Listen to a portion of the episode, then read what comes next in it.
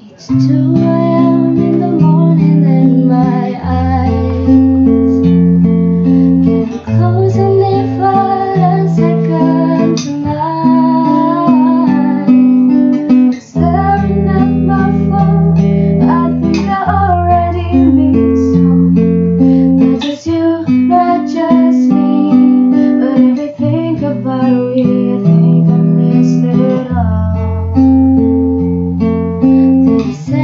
look up the sky and see the fairy shadow.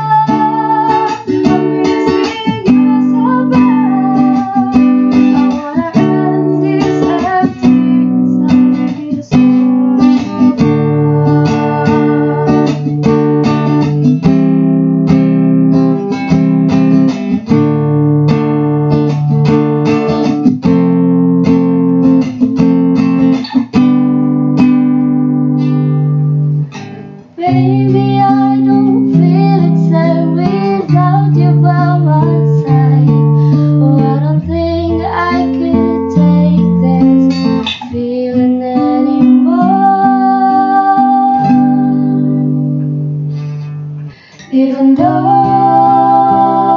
I'm miles